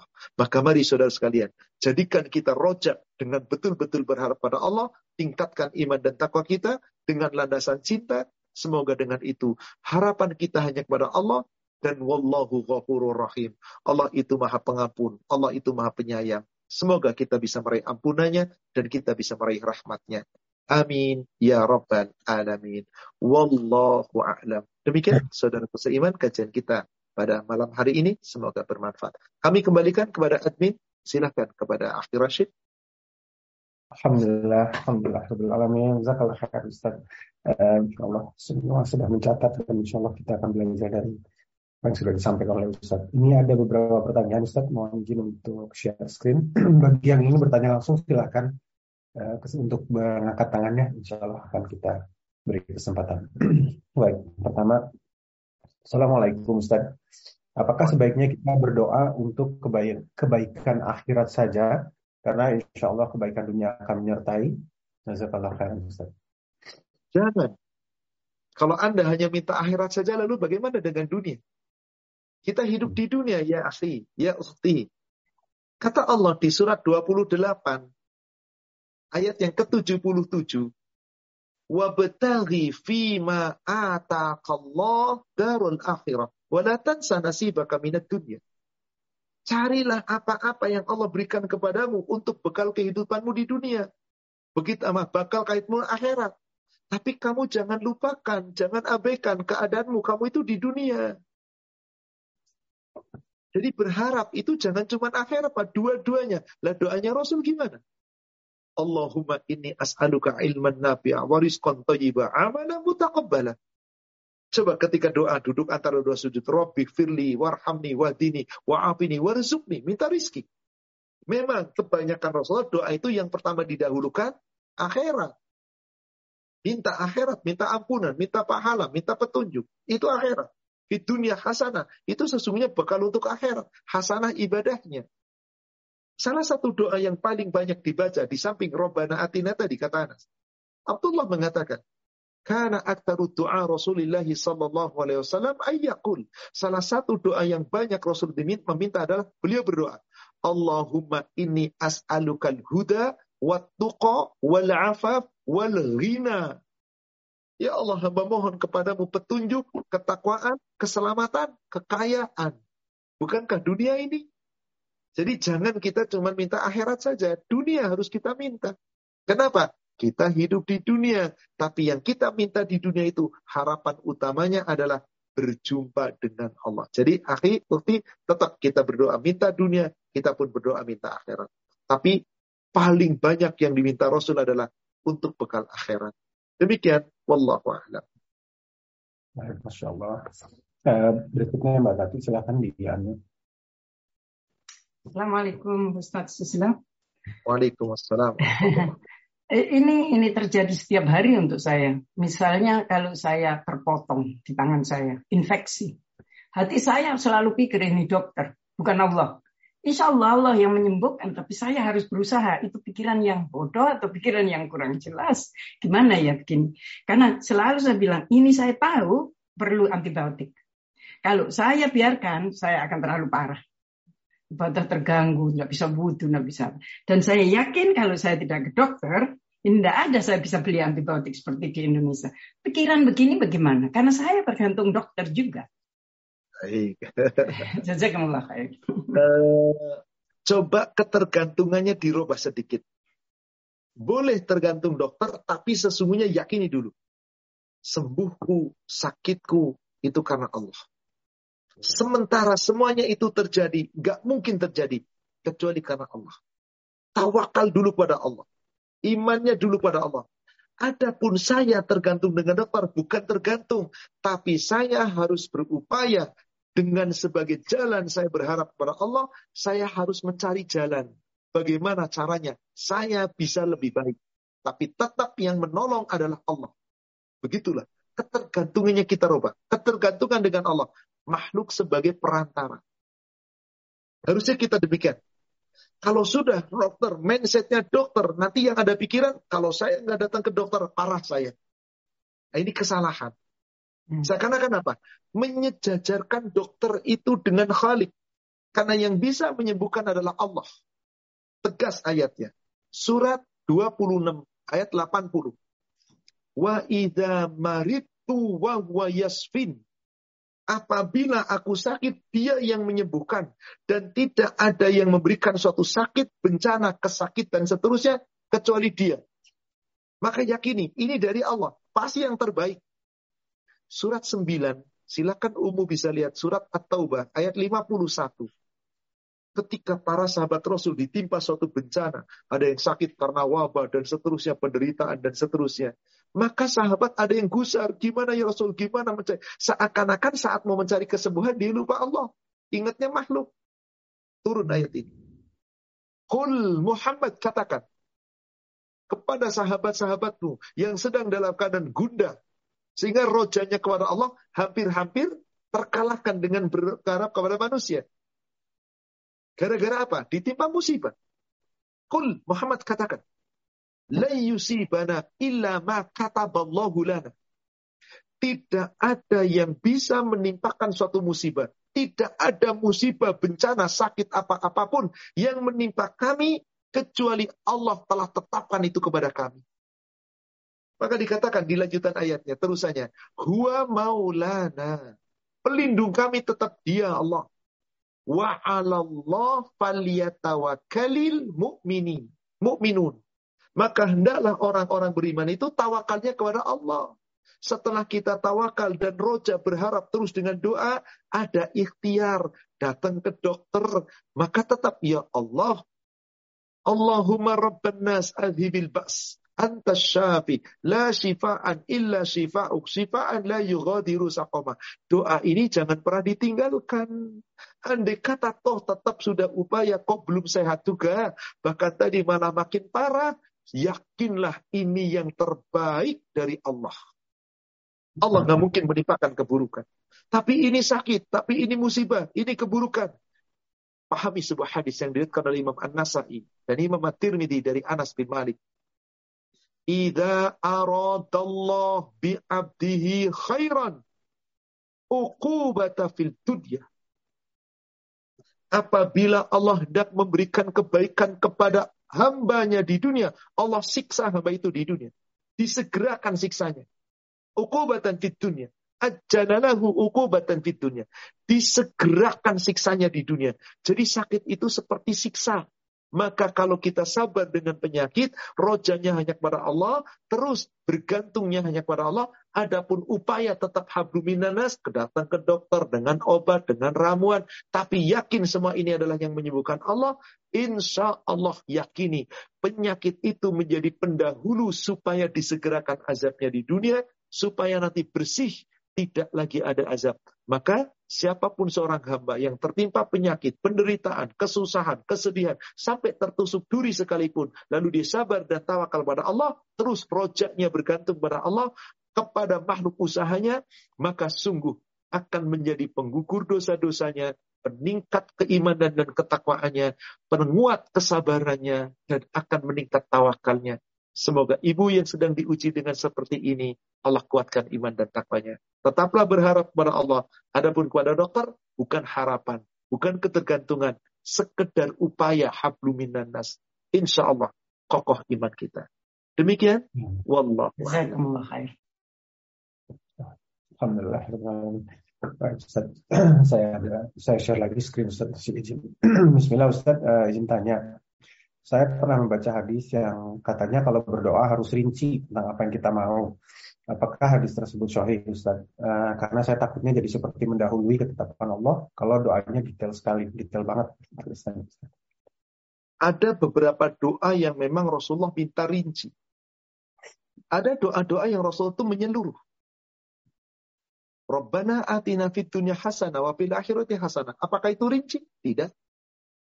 Totalitas menyeluruh. Allahumma inni as'alukal huda wa tuqa wal afafa wal hina. Rinci? Tidak. Menyeluruh. Allahumma inni as'aluka ilman nafi'a rizqan thayyiba amalan mutaqabbala. Rinci? Tidak. Menyeluruh. Bahkan suatu ketika Rasulullah SAW mengajarkan doa kepada seorang sahabat. Disebutkan dalam riwayat Imam Muslim dari Abu Hurairah. Berdoalah. Allahumma apa? Ketika duduk antara dua sujud. Allahumma eh, subhanallah. Allahumma firli warhamni wahdini warzukni. Ya Allah, mau aku mohon ampun kepadamu. Ya Allah, aku mohon rahmat darimu. Ya Allah, aku mohon petunjuk kepadamu. Ya Allah, aku mohon diberikan rizki darimu. Empat, kata Rasul. Beliau cacakan empat jari ini. Begini. Hmm. Sesungguhnya di antara keempat doa itu sudah mencakup dunia dan akhirat. Apakah rinci? Enggak. Tapi terkadang Rasulullah rinci. Contoh ketika doa istikharah. Itu rinci. Ya Allah, engkau yang mengetahui apa yang akan terjadi, sedangkan aku tidak tahu apa yang akan terjadi. Dan seterusnya, dan di antara doanya, jika engkau melihat, jika menurutmu perbuatan ini baik bagiku, ya Allah, maka segerakan. Tapi jika menurutmu perbuatan ini tidak baik, ya Allah, maka tinggalkanlah, jauhilah, ganti yang lebih baik. Rinci apa yang Anda inginkan.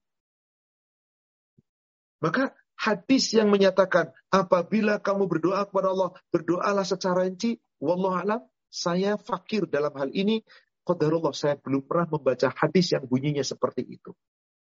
Jadi tidak harus selalu rinci. Contoh, Ya Allah, aku minta surga, surga Firdaus yang paling tinggi, yang penuh kenikmatan, yang di dalamnya ada bidadari, ada buah-buahan. Ngapain kita minta begitu? Sudah satu permintaannya. Allahumma inni as'alukal jannah. Dah titik. Wa a'udzubika minan nar. Aku berlindung kepadamu dari neraka. Titik. Rinci, tidak. Global. Yang penting masuk surga, kalau Anda sudah di surga, semua pasti dikasih.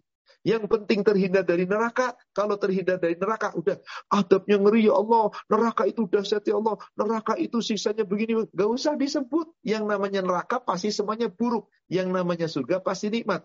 Karena orang yang masuk surga, Allah berikan jaminan. Nanti di surga kamu minta apa pun diberi. Kamu ingin apa pun diberi. Maka gak usah detail. Saya pengen surga yang permadaninya hijau ya Allah. Yang minumannya dari ini daging burungnya itu. Gak usah. Gak perlu. Rinci seperti itu gak pernah ada riwayat doa seperti itu.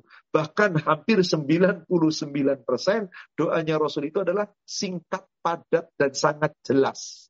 Wallahu a'lam. Demikian. Alhamdulillah, saya lanjutkan. Uh, berikutnya Ustaz, uh, sejauh apa kita boleh mencari solusi kepada manusia ketika memiliki persoalan?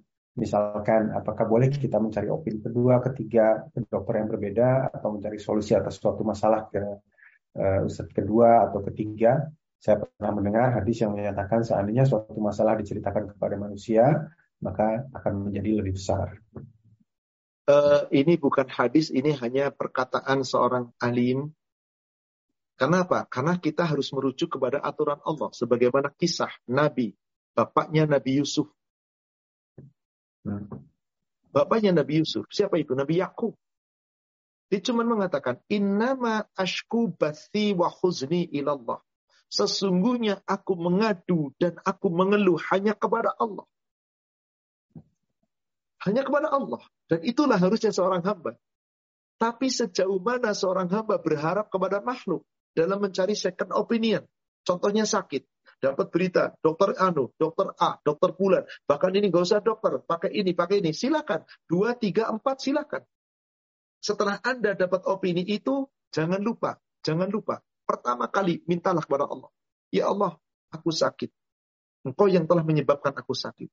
Dan aku yakin tidak ada kesembuhan kecuali kesembuhan darimu. Ya Allah, aku telah mendapatkan kabar dokter Fulan, dokter A, dokter B, dokter C.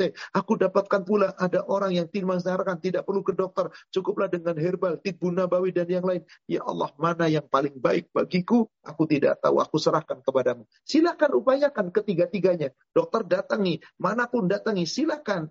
Tapi saat itu Anda punya keyakinan. Mana yang Anda yakini? Bismillah. Ternyata yang kita yakini kok nggak sejalan, makin parah. Wah, gara-gara ini nih jangan tawakal Allah. Karena boleh jadi menurut kita keyakinan dan ada orang yang cocok dengan dokter fulan. Wah, dokter itu tuh cocok, cespleng. Ini kadang-kadang kata-kata yang kadang melampaui batas tanpa disadari telah menyekutukan Allah dengan dokter. Kata-kata itu. Hebat dokter itu. Saya ke mana-mana nggak pernah cocok. Ke mana dokter itu, sakit saya langsung sembuh. Anda tanpa sadar mengatakan dokter yang menyembuhkan. Cobalah kalimatnya dirubah. Alhamdulillah atas izin Allah. Saya dipertemukan di seorang dokter. Sudah saya upaya ke dokter A, B, C, D, ke bulan, bulan, bulan. Qadarullah, Alhamdulillah, dokter ini malah cocok. Gak jauh lagi dari rumah saya. Murah lagi obatnya. Alhamdulillah, ya Allah, dengan pertolonganmu melalui dokter ini, aku bisa disembuhkan. Begitu caranya. Itu namanya opini. Boleh. Apakah mengadu kepada manusia kemudian salah? Tidak. Bukankah kita boleh mengadu kepada manusia dalam urusan duniawi? Ada masalah rumah tangga. Allah katakan di surat An-Nisa ayat 34, ayat 35, cari juru damai, berarti mengadu. Gak masalah. Intinya begini, kalau kita itu sedang ditimpa yang masalahnya itulah duniawi, sakit, penderitaan, kesusahan, yang butuh solusi, saya akan mengadu kepada manusia. Tapi sebelum mengadu kepada manusia, ngadu dulu sama Allah. Innama ashku bathi wa khuzni Allah. Sesungguhnya aku mengadu, aku mengeluh pertama kali hanya kepada Allah. Maka setelah itu, carilah cara, masihlah melalui orang-orang yang dianggap mampu bisa memberikan solusi menyelesaikan masalah. Masalah sakit, pasti solusinya ada pada tabib, di dokter atau kadang-kadang dokter kepada siapa pun. Misalkan kadang-kadang bukan lewat obat, bahkan lewat terapi-terapi yang kadang-kadang nggak masuk akal. Tapi bagi Allah itu apa yang tidak jadi? Bagaimana Nabi Ayub? Apakah dengan obat? Subhanallah. Cuman hentakkan kaki ke bumi, mengalir air, minum, dan mandi dengan air itu. Langsung sembuh atas izin Allah. Setelah sakit belasan tahun. Demikian Allah wa'adam. Alhamdulillah. Uh, Afwan Ustaz, ini jam 8.57 ya waktu Jakarta, kurang lebih jam 9 malam. Uh, saya, ada waktu.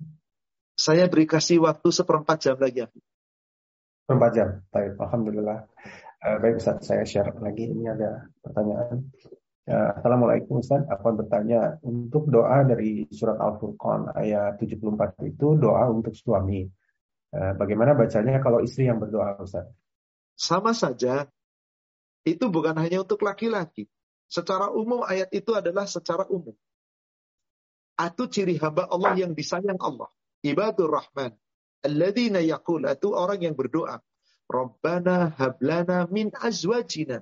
Zaujan, pasangan bagi suami ya laki-laki, eh, bagi suami ya istrinya, bagi istri ya suaminya.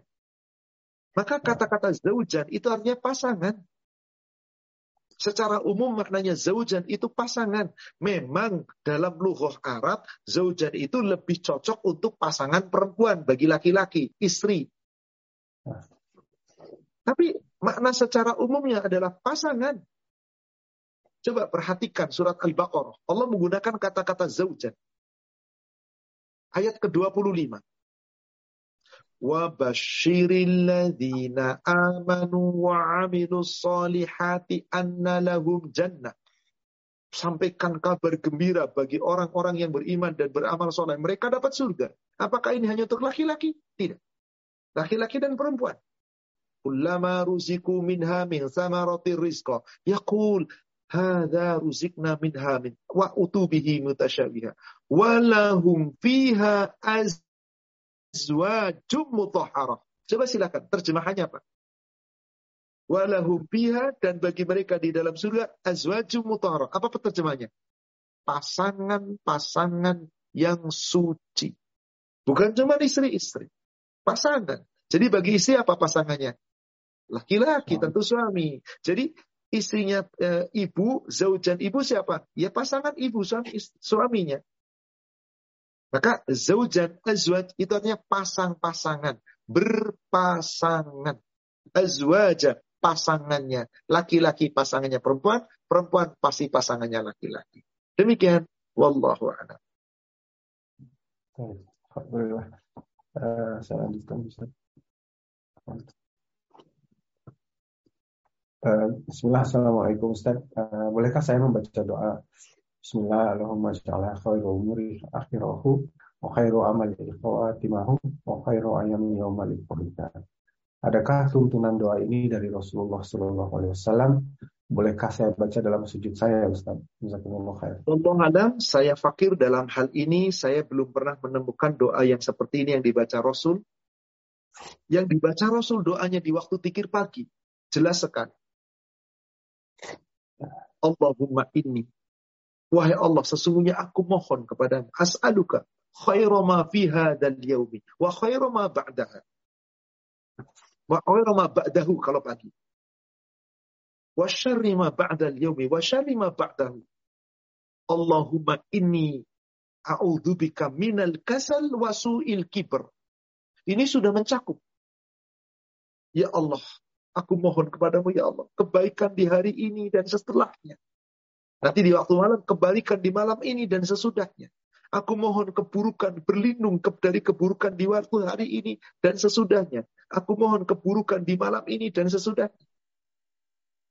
Allahumma ini a'udzubika minal kasal. Ya Allah, aku berlindung kepadamu ya Allah sepanjang hidupku dari rasa malas. Wasu'il kiber, aku berlindung kepadamu ya Allah dari usia tua yang pikun yang buruk Udah tentang doa nanti umurnya kayak apa, umurnya pengairnya bagus. Mending doa yang dicontohkan Rasul. Yang jelas-jelas sahabat pun berdoa. Allahumma inni as'aluka fi husnul khatimah wa a'udhu bika min su'ul khatimah. Ini yang terbaik. Doa dari Rasul itu pasti terbaik. Tapi andai kata kita mau berdoa dengan itu nggak ada masalah. Sepanjang tidak meyakini bahwa ini berasal dari Rasul. Karena doa itu apa sih? Doa itu kan kebutuhan kepada Allah. Roja, pengharapan. Pada hakikatnya dengan bahasa kita boleh. Silahkan. Tapi dalam urusan ibadah, doa-doa yang kita minta, doa harus mencontoh Rasul. Tapi doa-doa yang masalah, keinginan kita, silakan Anda minta apa.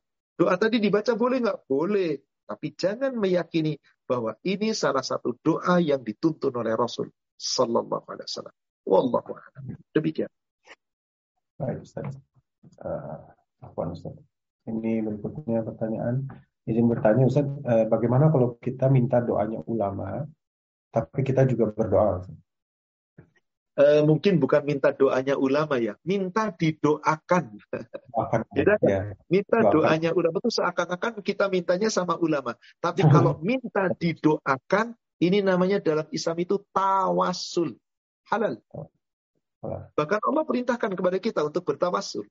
Coba lihat surat 5. Surat eh, Al-Ma'idah, ayatnya ayat yang ke-35. Itu jelas Allah perintahkan. Apa sih arti tawasul? Tawasul itu asal kata dari wasol, nyambung. Jalan untuk nyambung, jalan untuk mendekatkan. Kepada siapa? Kepada Allah. Maka ketika ada orang merasa ulama itu orang yang taat, orang yang soleh, kemudian saya mau berdoa. Tapi melalui ulama itu, tolong doakan saya. Tawasul seperti ini halal. Perhatikan surat 5 ayat 35. Ya ayyuhalladzina amanu, hai orang-orang yang beriman, ittaqullah. Hendaklah kamu bertakwa kepada Allah. Wabtahu ilaihil wasilah.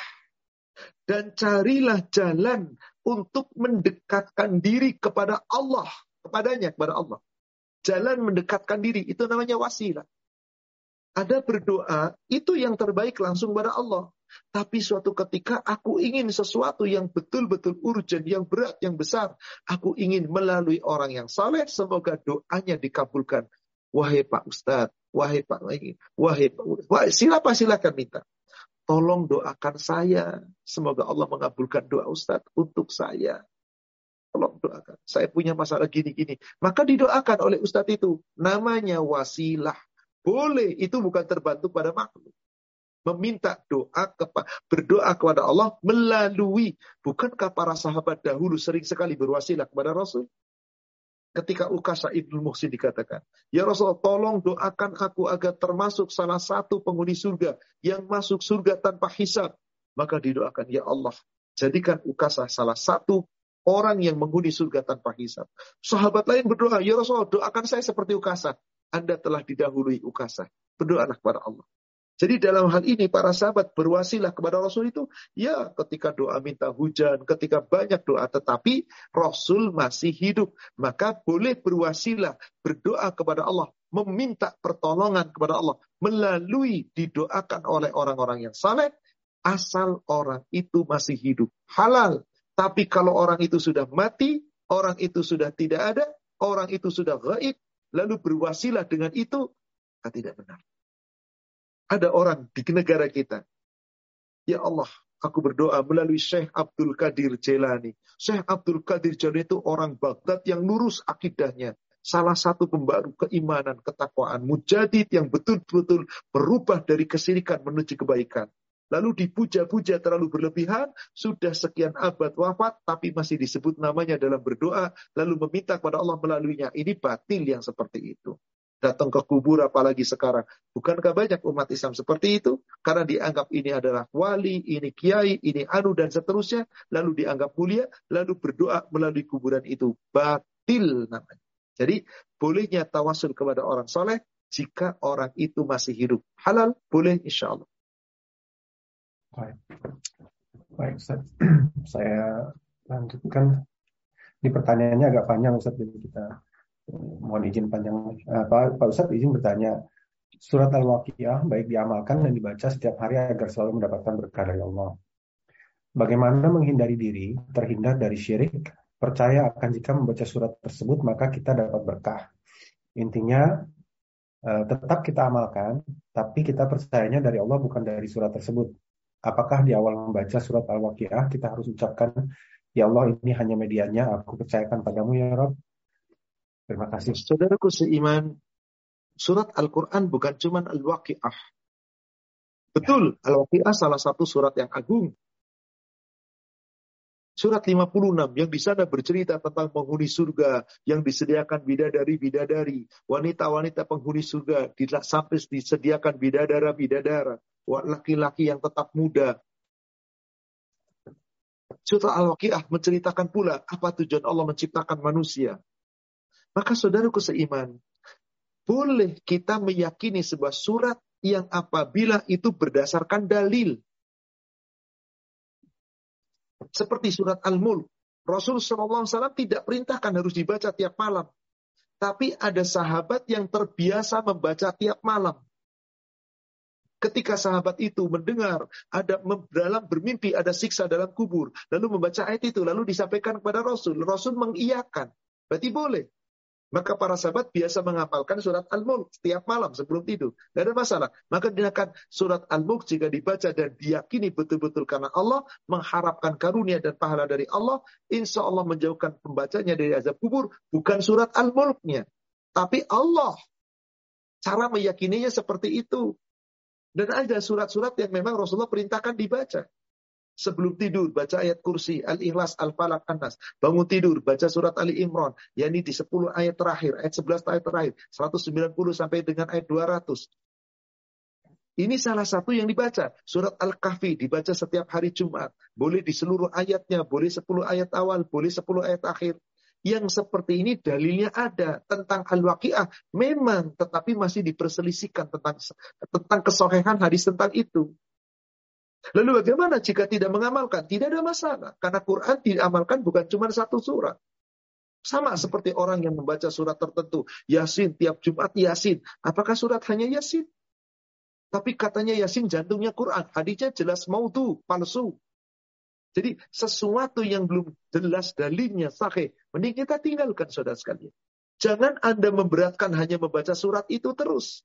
Terus dibaca Al-Waqiah, dibaca Al-Waqiah, dibaca Al-Waqiah. Seakan-akan apa? Anda memberatkan diri. Apalagi kalau kemudian meyakini dengan membaca Al-Waqiah begini-begini. Meskipun tadi ada kata-kata, saya tidak meyakini bahwasanya Al-Waqiah itu, tetapi mewakili adalah Allah. Saudara sekalian, Al-Waqiah memang termasuk mufasal pendek-pendek. Tapi panjang ayatnya, 96 ayat memberatkan. Jangan. Lebih baik Anda tartil baca Quran. Bacalah dari mulai surat Al-Fatihah terus. Dawam. Karena memang tidak ada keterangan dibaca tiap hari. Masih ada perselisihan tentang itu. Maka Allah alam, bolehkah membaca itu? Silahkan saja. Semua Al-Quran dibaca baik. Karena Allah perintahkan korok Al-Quran. Bacalah Al-Quran. Tapi ingat, Quran bukan hanya satu surat kecuali ada dalil yang perintahkan dibaca seperti Al-Kahfi tadi. Bacalah Al-Kahfi. Maka orang yang membacanya insya Allah terhindar dari fitnah kubur. Itu jelas dibaca tiap hari Jum'ah. Jumat itu kapan? Bukan cuma malam. Sejak maghrib itulah telah waktu Jumat. Sampai besok pada asar sebelum maghrib kembali itulah waktu Jumat. Jadi sepanjang hari itu bukan diselesaikan. Mau diselesaikan semalam suntuk langsung silahkan. Demikian cara kita memahami. Jadi, Allah alam sekali lagi, membaca boleh. Tapi seyogianya, jangan hanya jatuh cinta dengan satu ayat ini, satu surat ini, tapi cintailah seluruh Al-Quran. Baca semua Al-Quran. Demikian, Wallahu a'lam. Alhamdulillah, uh, mungkin yang terakhir untuk malam ini Ustaz. mengingat waktu. Assalamualaikum Ustaz. Uh, apakah doa uh, Allahumma ini auzubika min azabi jahannam dan seterusnya boleh didawamkan dalam setiap sholat fardu dan sunnah sebelum salam. Kan boleh didawamkan, harus didawamkan. Harus. Kalau boleh itu kesannya apa? Berarti boleh. Tapi kalau harus, harus. Ini adalah doa Rasulullah yang gak pernah tinggalkan. Dan ini adalah salah satu doa yang Rasulullah pun perintahkan kepada para sahabat. Maka sahabat tidak pernah meninggalkan. Bukan boleh sekali lagi, tapi harus kita dawamkan. Jaga. Kapan doa itu dibaca? Di setiap Rasulullah sujud atas syahud akhir sebelum salam. Bahkan dengan doa yang serupa, dengan lafaz sedikit berbeda, itu dibaca setiap selesai dikir sholat. Maka doa-doa itu seyogianya jangan pernah kita tinggalkan. Kenapa? Karena Rasul tidak pernah meninggalkan doa itu. Kapan dibaca? Baik di sholat fardu maupun di dalam sholat sunnah. Dari mana riwayat itu tersebut dalam sebuah riwayat? Hadisnya sahih diriwayatkan oleh Imam uh, Bukhari Muslim bahkan mutafakun ali dari sahabat Abu Hurairah. Kata Abu Hurairah begini, Qala Rasulullah sallallahu alaihi wasallam, telah bersabda Rasulullah sallallahu alaihi wasallam, Idza tashahhada ahadukum falyasta'id billah min arba' Apabila telah selesai tasyahud di antara kalian, yakni tasyahud akhir sebelum salam, hendaklah kalian senantiasa membaca doa perlindungan kepada Allah dari empat. Hendaklah senantiasa. Jangan ditinggalin, bukan boleh. Ini perintah dari Rasul. Apa itu? Allahumma inni a'udzubika min adzabi jahannam wa min adzabil qabr wa min fitnatil mahya wal mamat wa min syarri fitnatil masiihid dajjal. Empat ini jangan pernah ditinggal. Juga dalam hadis yang lain yang diriwayatkan oleh Imam Muslim dari Sa'ad bin Abi Waqqas bahwasanya Rasulullah sallallahu alaihi wasallam la tada'anna tidak pernah meninggalkan doa. Di tengah-tengah dikir beliau setelah selesai salat fardu, dan boleh dibaca setelah sholat sunnah. Apa itu doanya? Allahumma inni a'udzubika minal bukhl wa a'udzubika minal jubn wa a'udzubika min an uradda ila ardhalil umur wa a'udzubika min fitnatil mahya wal mamat wa a'udzubika min azabil qabr. Ini perintah.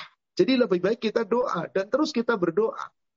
Demikian. Wallah Semoga kita mendawamkan dan kita selalu berharap. Mohon kepada Allah dijauhkan dari adab. Adab kubur, adab neraka, fitnah dunia, fitnah dajjal, dan seluruh keburukan-keburukan dunia. Insya Allah, semoga dengan doa-doa itu dan kita yakin sesungguhnya itu adalah pengharapan kita kepada Allah dan Allah mengabulkannya meskipun jauh nanti setelah kematian, tapi dekat bagi kita bahwa kita pasti mendapatkannya. Maka terus sepanjang hidupnya kita berharap kepada Allah Subhanahu wa taala.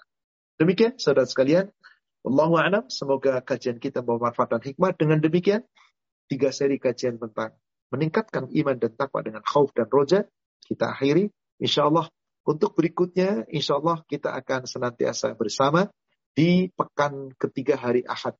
Karena Qadarullah biasanya saya hari Sabtu awal pertama, Qadarullah Sabtu pekan pertama saya sudah cukup pada jadwalnya, jadi saya akan pindahkan ke hari Ahad dan insya Allah sudah kami setuju dengan sudah dibicarakan dengan admin. Mulai pekan ya. depan, eh mulai bulan depan kita berjumpa hari Ahad pekan ketiga jam yang sama Ba'da Isya. Menyesuaikan waktu Isya Indonesia. Skodarullah tadi waktu isanya cukup jam 7 lewat 2 menit sehingga setengah 7 sudah setengah 8 sudah selesai kemudian bergegas alhamdulillah bisa bergabung lewat sedikit. Kita ikuti waktu-waktu. Kalau isanya mundur ya berarti agak sedikit mundur pertemuannya. Demikian Bapak Ibu jamaah sekalian jamaah rumah dakwah paduka yang semoga dirahmati Allah. Semoga kita senantiasa mendapatkan rahmat dan barakah Allah. Meraih ampunannya dan kelak kita meraih surganya. Mari sama-sama kita akhiri dengan doa kafaratul majlis. Subhanaka Allahumma wa bihamdika Ashhadu an la ilaha illa anta astaghfiruka wa atubu ilaih. Alhamdulillah billahi taufik. Assalamualaikum warahmatullahi wabarakatuh. Waalaikumsalam warahmatullahi wabarakatuh. Alhamdulillah. Jazakumullahu khairan untuk semuanya. Kepada admin, saya mohon pamit. Kepada para jamaah, Barakallahu fikum, saya mohon pamit. Baik dari kami dari Rumah Dewa Bauka kami mohon maaf jika ada kekurangan kesalahan. Insya Allah kita akan bertemu kembali di akhir pekan yang akan datang. Barakallahu fikum. Bila